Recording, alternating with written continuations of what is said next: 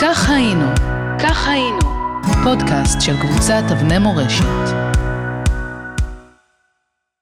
שלום לכם, כאן שוב אמיר שושני עם סיפור מספר 152 בסדרה כך היינו. והפעם, על חודו של קול. סיפור עתיק על מהפכה גדולה עם ניחוח עכשווי. מי שמסיק מסקנות, עושה זאת על אחריותו בלבד. הנה שלמה מעכו, צעיר בין מבוגרים, אשכנזי בין ספרדים, יהודי בין מוסלמים, וכולו רק בן 15. כבר בנערותו בחר להתרחק מהוריו ולהתקרב אל דודו, אידל יהודה רוטשטיין, שנודע בשומרון כגיבור העשוי ללא חת. הדוד קנה לו שם כשומר אגדי בחדרה, מוכת הקדחת, שנים רבות לפני שיצחק בן צבי הקים את ארגון בר גיורא על המחצלת בביתו שביפו, בשמחת תורה ההיא. עם השנים התרגל שלמה להיות יוצא דופן, וכשהלכו הוא והדוד אידל לזיכרון יעקב כדי לעבוד עבור הברון, העדיף הנער שלא לגור עם בני עמו, אלא להשתכן בכפר ערבי סמוך, אום אל-עלק, שקנה לו את שמו בשם העלוקות שרבצו במעיינו וערבו לפרייר שיטבול במקום בלי הכנה מוקדמת. הספר המקומי של זיכרון דווקא לא היה פרייר. הוא נהג לרדת למעיין, לשלוט ממנו עלוקות, לשים אותם בצנצנת, להקיז בעזרתן את דמם של זיכרונאים, כפתרון לכל תחלואה, ולגבות מהם כמה גרושים עבור השירות. מדי בוקר היו שלמה ואידל רוטשטיין יוצאים לעבודתם כשאר אנשי זיכרון יעקב, כשהם נהנים מכספי החלוקה של הנתיב הידוע וחולמים על היום בו יהפכו איכרים בעלי אדמות משלהם, ועדיין יוכלו ליהנות מהביטחון שהעניקו להם כספי החלוקה. ביום 20 בדצמבר 1901 נפל דבר. אתם, בואו איתי, פנה עליהם הממונה מטעם הברון וצירף עליהם עוד שלושה אנשים. רוצים להיות איכרים? קחו את הרגליים ותגיעו לעובדיה. אם תהיו טובים, תקבלו אדמה ותהפכו לאיכרים, זרק להם פיתיון בתמימות מאוסה. הפיתיון היה טעים והחמישה בלעו אותו בלי שאלות. הם לא שאלו למשל מה יקרה אם הם לא יהיו טובים. הם גם לא בררו עד תום מה יהיו תנאי חייהם בעובדיה. רק כשהגיעו למקום נמסר להם חלקה השני של העסקה, ואז חדרה להכרתם התובנה שהם משתתפים זוטרים במהפכה ענקית שיצאה לדרך על חודו של קול. אתם בטח מתעניינים לדעת מה הייתה המהפכה הענקית. ובכן, הכל החל ביום 21 באפריל 1896, כאשר טלגרמה התקבלה במערכת העיתון הצפירה, ובה נכתב כי מוריס דה הירש auf Gereuth נאסף אל עמיו בארץ אונגרן, אחרי אשר אחזהו השבץ לפתע פתאום. כשנפתחה צוואתו, התברר כי המנוח בן ה-65 הוריש כשישה מיליון פאונד לארגון Jewish Colonization Association, אותו הקים מספר שנים קודם לכן. אלמנתו קלרה לא התנגדה לצוואה וכך התעשר הארגון בן לילה בהון עתק.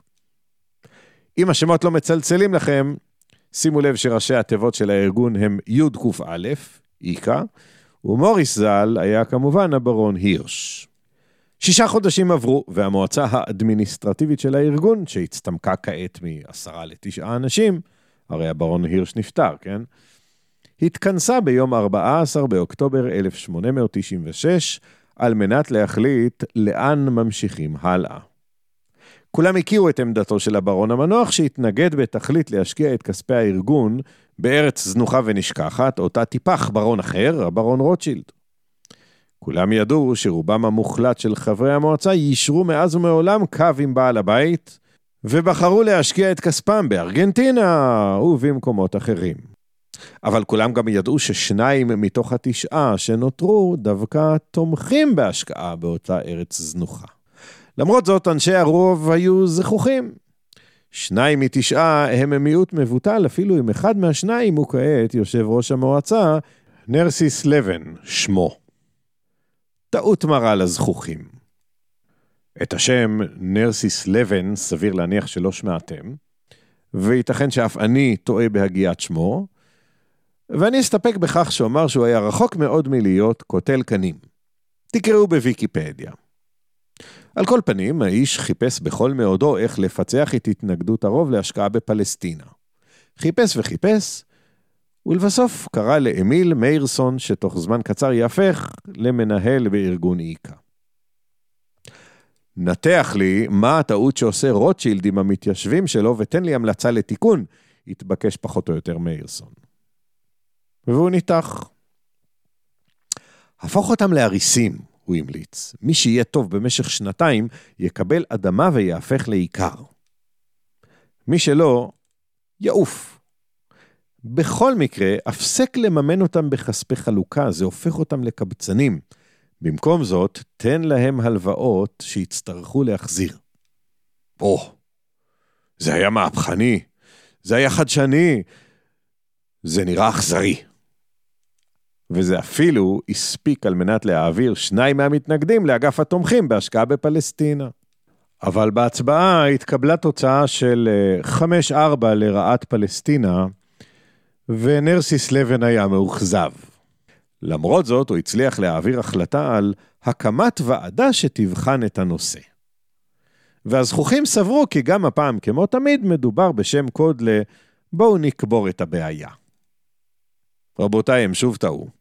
נרסיס לבן לא שקט ולא נח. גם מאירסון.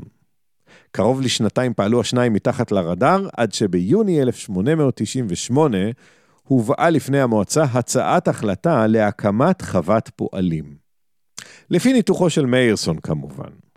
על הפרק עמדה רכישת אדמות סג'רה והפעלת שיטת העריסות. במקרה, אחד מתשעת חברי המועצה נעדר. וההצבעה הסתיימה בתיקו 4-4. תיקו, מה עושים? לבן השועל ידע. במקרה של תיקו, ליושב ראש יש קול מכריע. כך אומר התקנון.